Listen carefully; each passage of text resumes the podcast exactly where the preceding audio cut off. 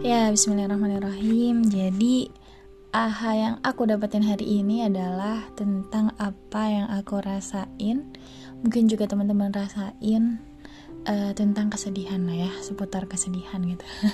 ini agak-agak mellow. Ada pertanyaan mendasar yang mungkin sampai sekarang aku juga masih kesusahan gitu ya untuk mengaplikasikannya gitu. Kenapa sih kita harus senang atas kesedihan yang kita alami gitu? Kenapa kita harus berbahagia di atas kesedihan yang menimpa diri kita gitu. Tapi kalau kita uh, apa ya?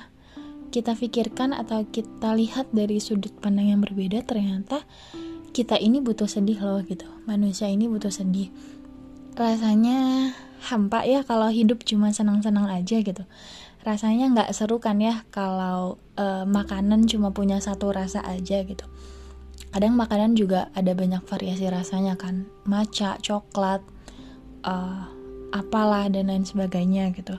Ya mungkin hidup juga begitu gitu. Rasanya gak enak kalau misalkan cuma datar-datar aja senang-senang aja tapi nggak ada sedihnya. Justru kesedihan ini kita butuhkan karena di posisi yang sedih atau ya biasanya kan kesedihan kalau kita lagi di bawah ya. Atau ada sesuatu yang hilang dari kita atau ada sesuatu yang tidak ingin tidak diinginkan kemudian terjadi kepada kita. Pokoknya ya sedih gitu ya. Eh, hal-hal uh, yang tidak diharapkan itu terjadi mungkin itu yang menyebabkan kesedihan. Nah tapi dari kesedihan ini kita justru malah belajar banyak hal. Mungkin aku ya aku belajar banyak hal.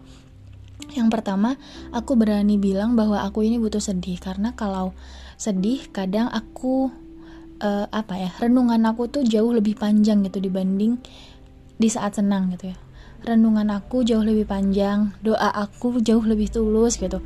Tangis aku tuh jauh lebih ikhlas gitu dibanding saat aku senang-senang aja gitu ya.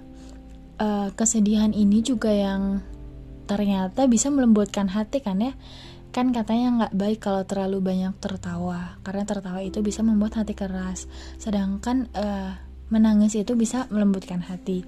Jadi mungkin uh, kesedihan yang kemudian disalurkan dengan menangis ini adalah salah satu ikhtiar kita untuk melembutkan hati kita di mana kalau misalkan hati kita itu udah lembut uh, kita jadi gampang gitu loh nerima banyak hal-hal baik. Ibaratkan uh, apa ya kayak hidayah itu kan nggak akan datang ya ke hati yang tertutup gitu ke hati yang keras ke hati yang enggan menerima hidayah itu. Justru hidayah itu hadir, hadirnya kepada hati-hati yang lembut hati-hati yang terbuka. Begitu juga dengan hikmah. Hikmah itu bisa diterima oleh orang-orang yang hatinya terbuka hatinya lembut gitu. Sedangkan ya ibaratkan kayak besi yang udah karatan gitu yang udah keras yang udah ya jelek lah ya kualitasnya. Dan itu udah nggak bisa digunakan secara optimal kan ya. Mungkin begitu juga dengan hati gitu. Hati ini bisa dilembutkan bisa dioptimalkan fungsinya saat kita banyak bersedih gitu ya. Tapi bersedih di sini bukan berarti aku menghalalkan atau menganjurkan kita sedih tiap hari kemudian meratapi apa-apa yang terjadi. Ya nggak gitu juga itu. Tapi ya ada kalanya hal-hal yang membuat kita sedih itu justru yang membelajarkan kita gitu. Kan setiap hal bisa jadi pelajaran ya buat kita gitu ya. Setiap tempat bisa jadi sekolah setiap uh, orang bisa menjadi guru dan semuanya bisa jadi ladang belajar gitu buat kita. Jadi uh, hari ini ya mungkin aku belajar dari rasa kesedihan itu ternyata memang sedih itu perlu sih ya perlu dialami. Ya aku jadi teringat satu quotes dari film keluarga nanti kita cerita tentang hari ini. Di situ tuh ada Mas Angkasa yang uh, yang dalam konflik tuh bilang gitu ya ke ayahnya bahwa gimana rasanya bahagia kalau kita nggak tahu rasa sedih gitu. Gitu ya mungkin uh, penggambaran yang aku dapatkan dari quotes itu adalah ya gimana kita tahu rasanya uh, nikmatnya hidup gitu ya. Kalau misalkan kita nggak sedih kita nggak belajar banyak kita nggak melakukan doa-doa panjang doa-doa yang tulus renungan yang ikhlas dan lain sebagainya. Jadi uh, jangan terlalu sedih atas kesedihan yang menimpamu.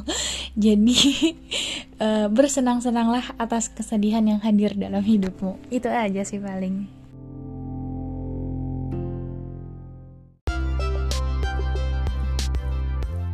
Jangan lupa untuk selalu lihat pagi-pagi sekitar jam 6 sampai jam 7 bakal ada postingan terbaru di Spotify Pojok Gedung Kai.